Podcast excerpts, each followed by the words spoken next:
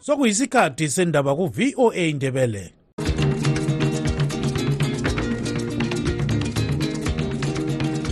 amatshono zihlobo siyalamukela kuhlelo lwethu lwezindaba eziphathelane lezimbabwe. Kustudio 7 eye voice of america sisakaza sisewashington dc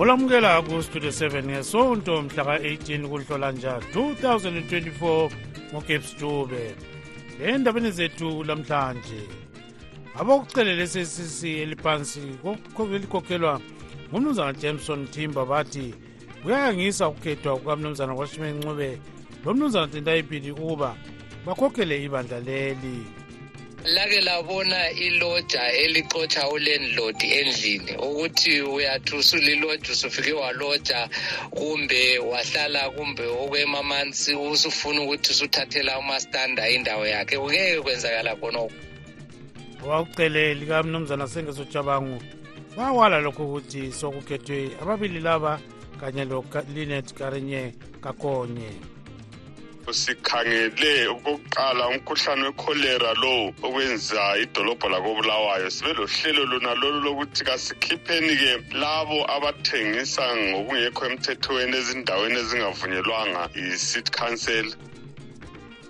Ikhansili yakobulawayo ithi izasusa abantu kusasa abathenga bethengisa impahla emgwaqweni ibahambise endaweni ezisemthethweni. Salethulela izamatsha lezokholo lwesikristu zonke lezi ndaba lezinye lizozizwa kulo msakazo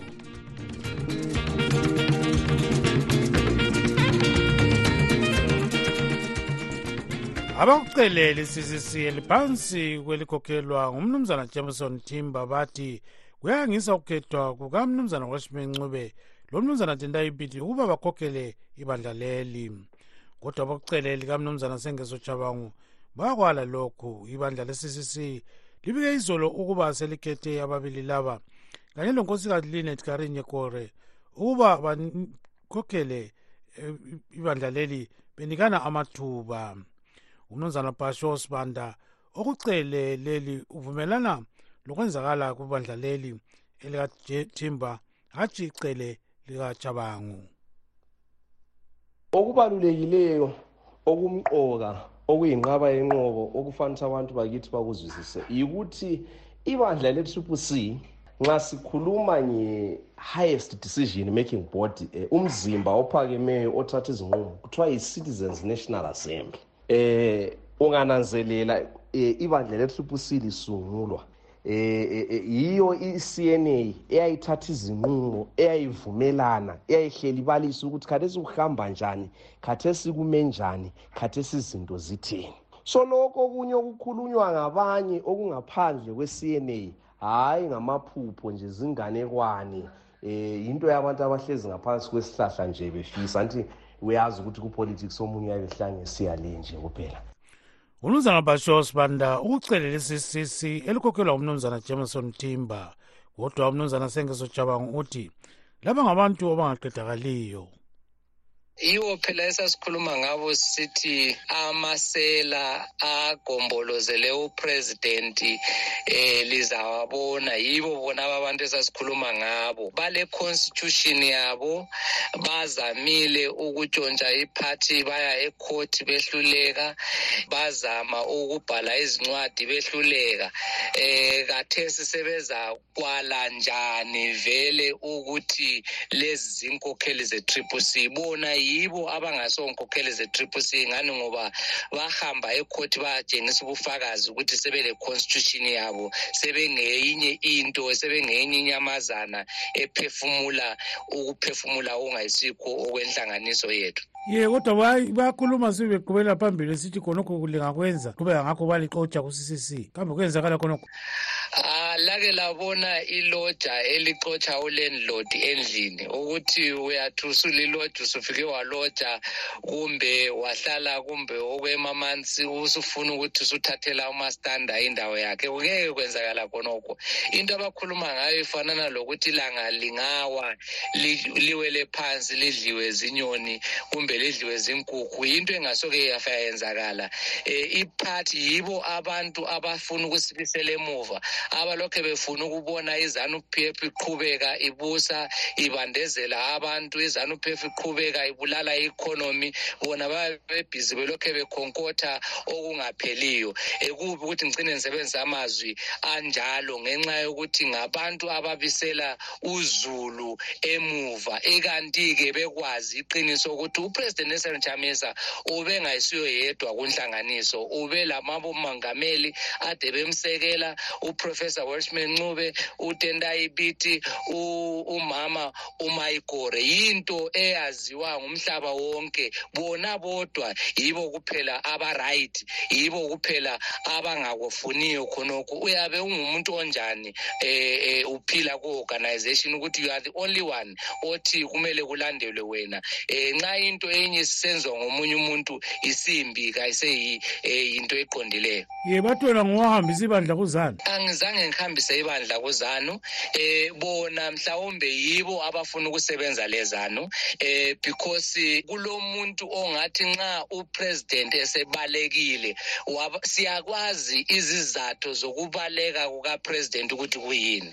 And zizimgceke lezo zizathu zokubaleka kukapresident. Akula muntu onganika ade lokhu ekhuluma esithi i-election izabuya um ngojuni abe sengumuntu osebalekile umuntu ade ekhuluma esithi isadaki iyabuya ngojuni sekwenza ama-fresh elections zukuzuku um usethwele ibhatshi lakhe usebalekile. Um izizathu zakhona zonke lezo siyazazi. So laba ngabantu asebefuna ukumisa inhlanganiso ukuthi iqhubekele iye phambili abantu bezimbabwe babe le-alternative lapha bazaba lo mthunzi wabo ukuthi baphikisane lezanu p f.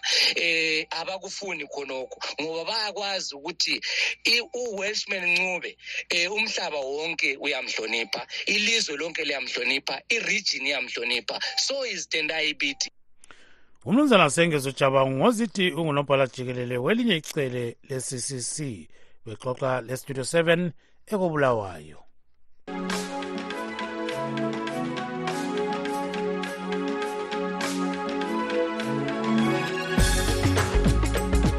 Uhlelo lwe-live talk ngomvulo mhla ka-19 ngo-8 pm sizabe sixoxa ngokuqakatheka kokulima izilimo ezivuthwa masinya loba kungelazulu elaneleyo njengalo nyaka ezifana lenyawuthi lamabele. Sikhuluma nje izimbabwe ibhekane lendlala embi njalo abantu abafika izigidi phose ezintathu 2.7 million badinga usizo lokudla. Kambe ingaqedwa njani indlala ngalesi sikhathi sokuguquka komkhathi?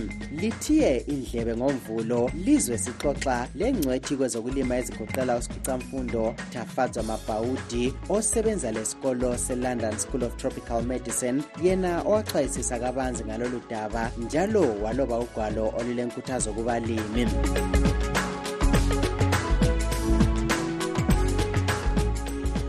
Ikhansili yakobulawayo ithi izasusa abantu kusasa abathenga bethengisa impahla emgwaqweni ibahambise endaweni ezisemthethweni. Lokhu kwenzakala ngesikhathi kulabanye njalo abasuswa emadolobheni atshiyeneyo.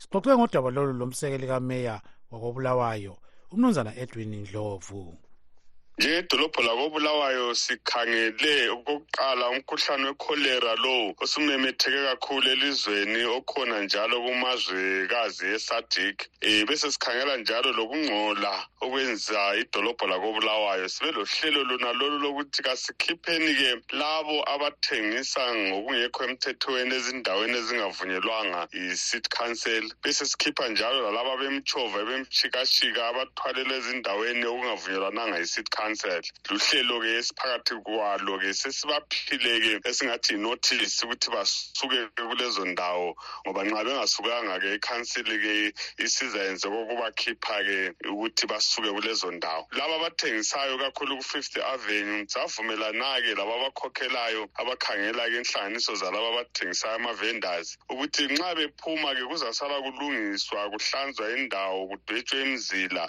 besokusithi nani elithile lizaphenduka lizothengisa njalo khona lapho. Ngoba sananzelela ukuthi ubuningi babo abanye kayisibo bantu bakobulawayo ngabantu ababuya bezothengisa ebusuku balale ezitaladeni bengcolisa ngoba bengela zambuzi. Bavuke beqhubeka bethengisa nxa abakuthengisayo kungaphela sebebuyela ezindaweni abavela kizo. Yikho sananzelela-ke ukuthi bakhona abanjalo. Yikho sithela babakhokhela-ke inhlanganiso zama-vendors-ke babuye lama-registers abo sibekwazi ukuthi lowo ngowabo lowo ngwalapha kobulawayo. Nxa sokulungisiwe-ke kwadwetshwa imizila-ke bazabiselwa-ke bathengise sokuyinto esemthethweni. Le mali abayibhadalayo sithathwa ngukhansela ye kodwa-ke siyabona likwenze khonokhu labanye vele bangasoze bethole indawo lezi ngoba ningi kakhulu phela bakuya ngaphi? Hayi kakho ngasoze athola indawo sizazama njengedolobho ukuthi sibone ukuthi abantu bathole izindawo zokuthengisela.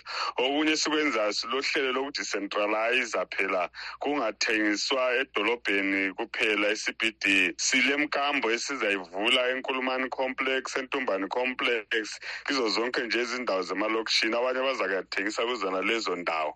Abanye-ke bazasala bethengisa edolobheni. Kodwa konke lokho lamabizo alaba bazathengisela endaweni ezithile sizawaphiwa zinkokheli zenhlanganiso yabona laba abathengisayo. Ye sizwile ukuthi kumele basuke namuhla kodwa-ke bangela ukusuka um kuze kube kusasa liyabenzani? Asizawakhipha njani? Funa idolobho lihlanzeke labakhipha njani? Asizawakhipha nje. I- kuhle kuhle sizawakhipha kuhle nje. Kodwa-ke asifuni ukuthi sifike khonapho. Yikho sikhulumisane le nhlanganiso-ke ezibakhokhelayo ukuthi-ke zibazise ukuthi basuke. Njalo kasithembi ukuthi ukhona ozakwala ngoba abakhokheli babo hhayi bakhanya bavuma ukuthi sebekhulumisene. Njalo sebebhalile amagama alabo abafisa ukuthi bathole indawo ma sokuhlanziwe kwalungiswa lo ngumsekeli kameya wakobulawayo umnumzana edwin ndlovu obexoxa lestudio 7 ekobulawayo.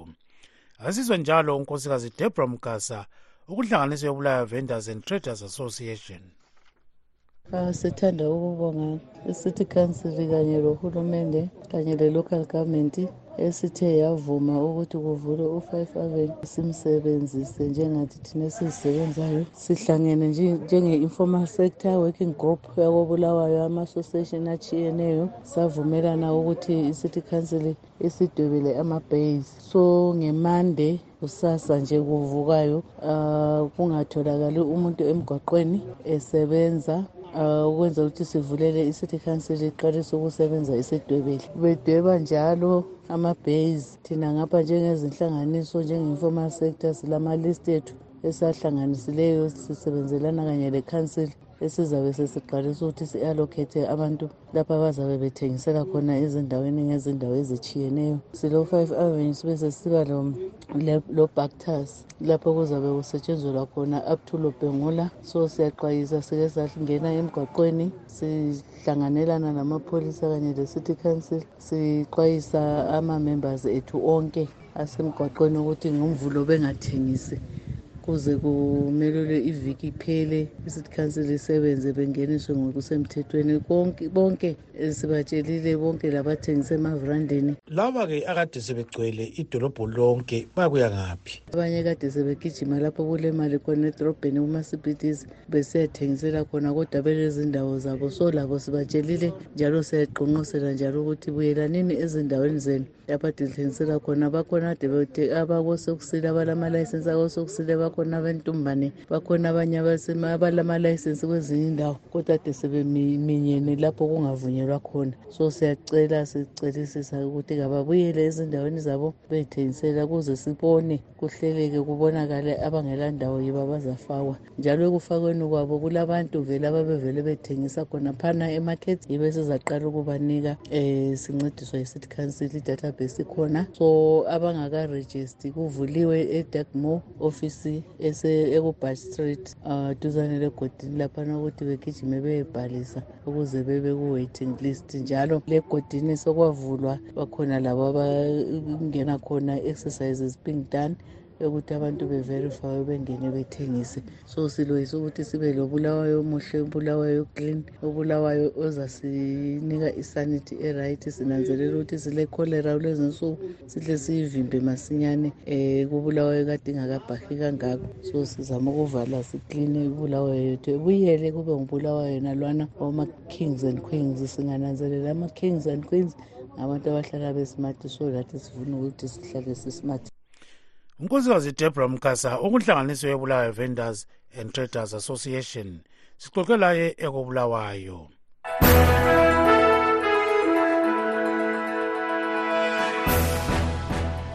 Singangangeni kusigaba esilandelayo sike sikhangele esivela kwamanye amazwe ngamafitshane. Kusanda kwenziwa umhlangano we-african union summit kule ethiopia lapho inkokheli yamazwe ezwekazi le-afrika ekhale ngesikhudumezi se-el nino abathi izaletha indlala emangalisayo. Ele-israyeli lokhu lihlasela egaza loba amazwe amaningi esithi kumele kumiswe impile esibulalise abantu abaningi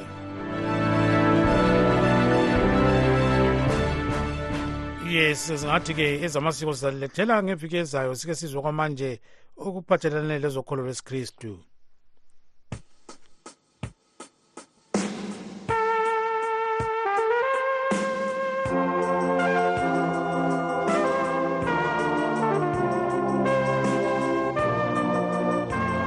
Siyahlangana zihlobo ezithandekayo kuhlelo vuselela umoya.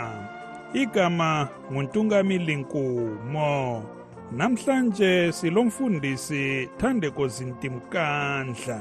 Usiphatheleni mfundisi. Sibingelelane njengoba sihlangana zihlobo zenkosi ezithandekileyo ngolunye njalo usuku lapho kumele sivuselelane emoyeni ngenxa yokuthi-ke imoya yethu iyadinga iyaswela izinto eziningi namhlanje-ke sizavuselelana ngokuzwa ilizwi ngokubhala kukaluka um isahluko sesificamnembili esesiyangalombili indima yamashumi amabili nantathu siye kuma endimeni yamashumi amabili lane uluka isahluko sika-8 ivesi ngu-23 lo-24 kufundeka kanje kuthe besahamba ngomkhumbi walala ubuthongo kwehlela-ke isivunguvungu somoya elwandle bagcwala amanzi baba sengozini.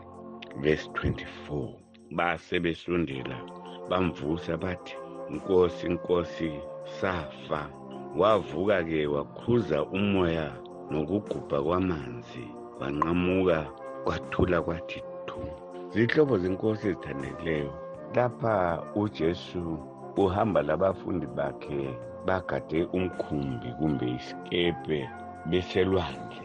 Eh kwase kukhanya ukuthi ujesu mhlawumbe wayekhathele njengoba laye wayelakho ukuba ngumuntu njengathi wasejumeka walala elele kunjalo-ke kuthiwa eh, khonapho-ke kwase kusehla kwaqhamuka isivunguvungu somoya isiphepho esesabekayo eh, khonapho elwandle. Abantu basebezibona isikepe sesigcwala amanzi sebesengozini.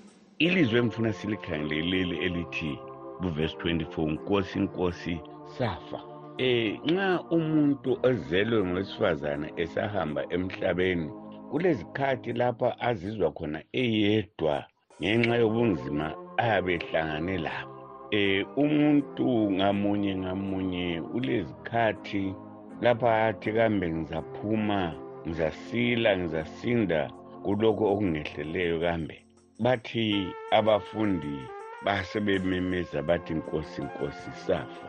Eh lapha ke ngithanda ukuthi singakafiki kulaba abaningi sikhangele ukuthi kambe ngamunye ngamunye wabafundi labo wathini. Omunye wazibona esengasekho ongasefile.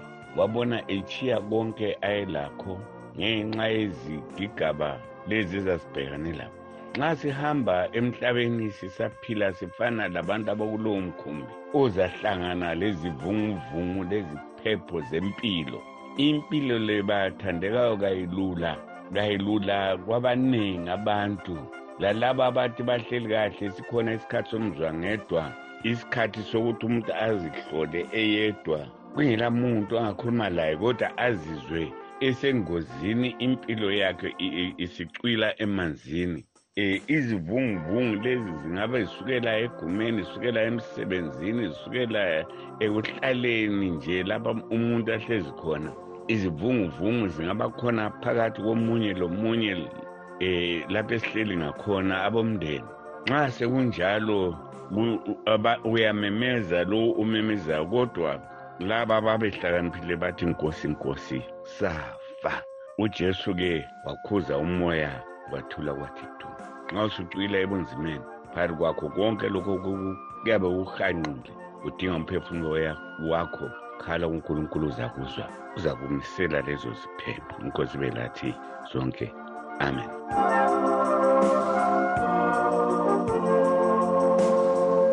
Lolo bekulohlelo vuselela umoya. Silomfundisi Thandeko Sintimkandla thiyani indlebe kuhlelo lunye ngeviki ezayo. Lilami untungamili nkumo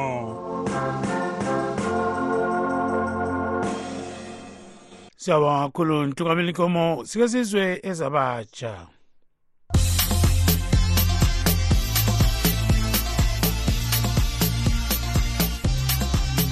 Siyalamukela kusigaba sabatsha.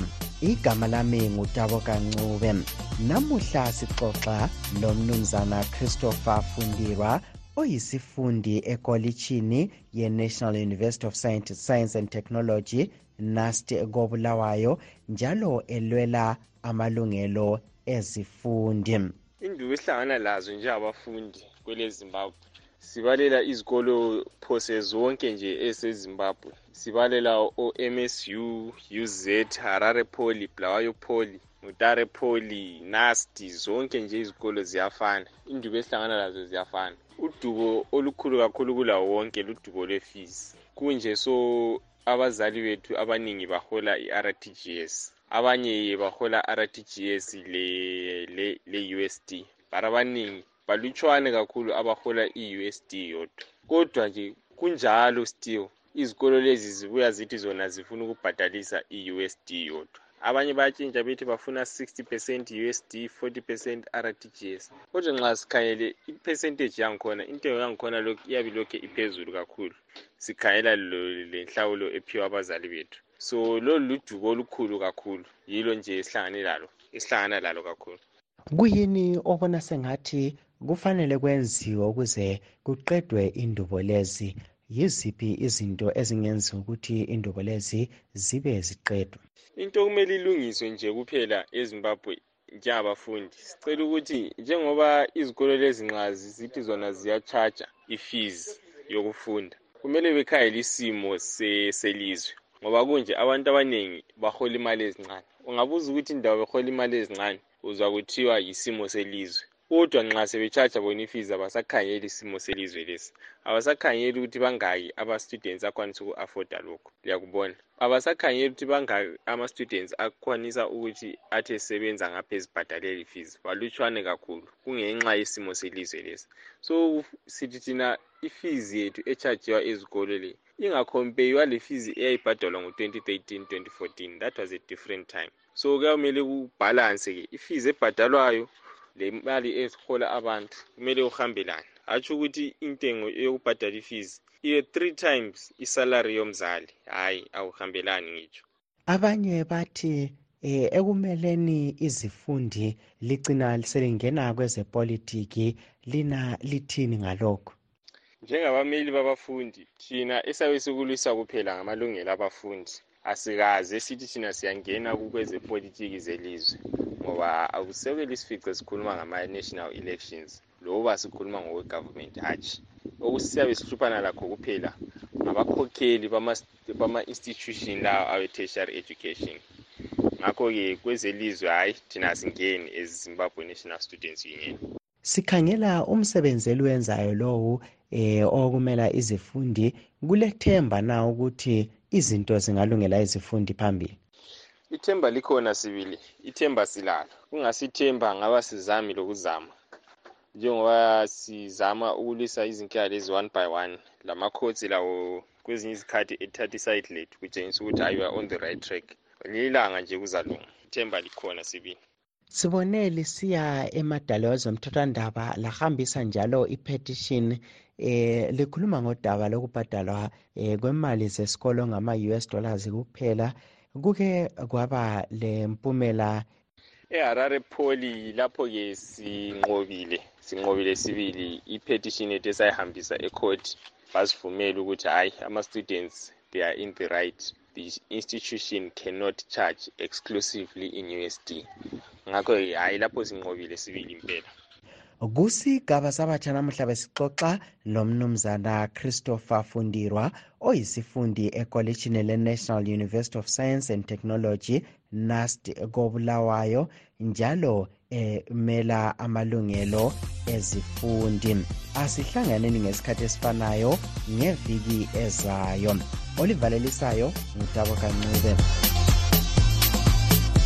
Le yistudio 7 esakaza ezimbabwe lesizwa siphuma ngapha i-voice of america ewashington.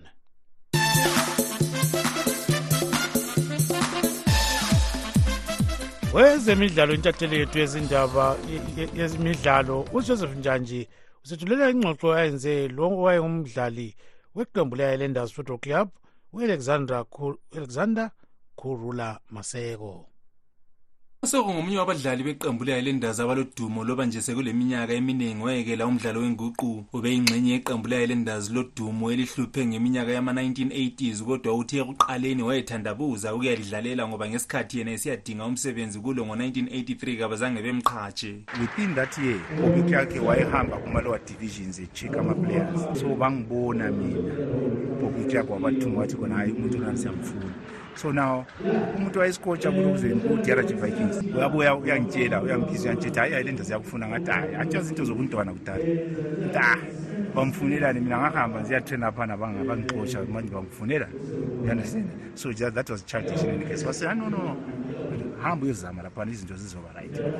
So yikho lapho engasuka ngasetshiyajoyina-ke i-islanders. Ukujoyina kwami i-islanders guys ngathengwa.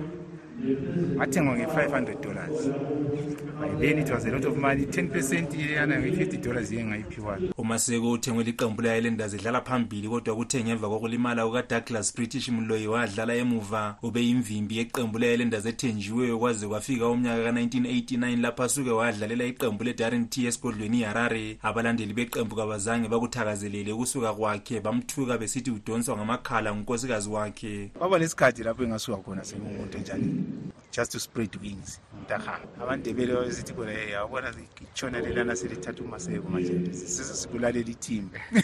Kwakuyisikhathi sakhona leso. So ngase ngifuna ukukhuphuka nje just to do something different. Ngasuka ngadlalela itarent nxa iteam ibuye izodlala iharare ngangihamba nisiyababona angibabona laphana then the next thing omesithi sibebuye bethi hayi ndoda kuwephi hayi ngadlala kuphela one season. Bheko 1990 sasesiwini league. Uphinde wabuyela njalo esigodlweni. Umaseko esethwele umsebenzi kwenye inkampani khonale njalo uthi ukubuyela kwakhe kwadala ukuba agcine echiya iqembu le-islanders ngoba engasadlaliswa ngaphinda ngabuyela back eharare sengithola umsebenzi. Ukuyela kwami eharare laphana babe singasamfaki elokuzeni ethimini like usually ama-supporters athi nakhona no umaseko umuntu wethu angeke ayanda so umaseko kumele atraine ngaphi eharare. Siyabe sibuya simphike ngama-games so kusenzakala khona kwana um uroy barreto wasn't happy about setup. So i remember the game yangenza ukuthi ngizonde kakhulu. It was igame sisiyadlala lethanganda basishaye three not uwila the edifenda mina nhlele ebheli ngingadlalanga so by then kule game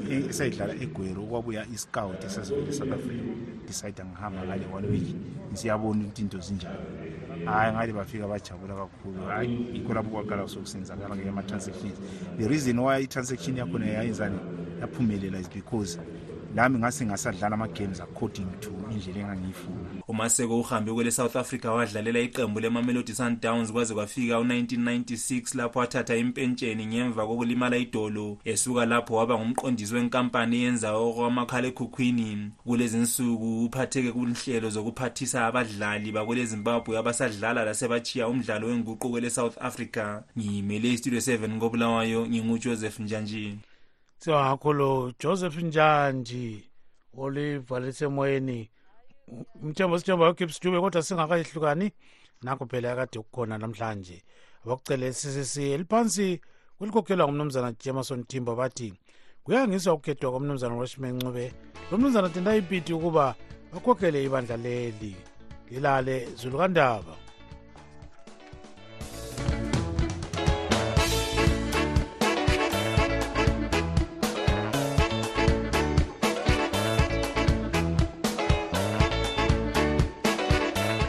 siyalibonga ngokulalela kwenu. Asibeke ithuba elifanayo kusasa kustudio 7 kusukela ngo-half past 7 kusiya ku-8 o'clock ntambama kuhlelo lwezindaba zezimbabwe.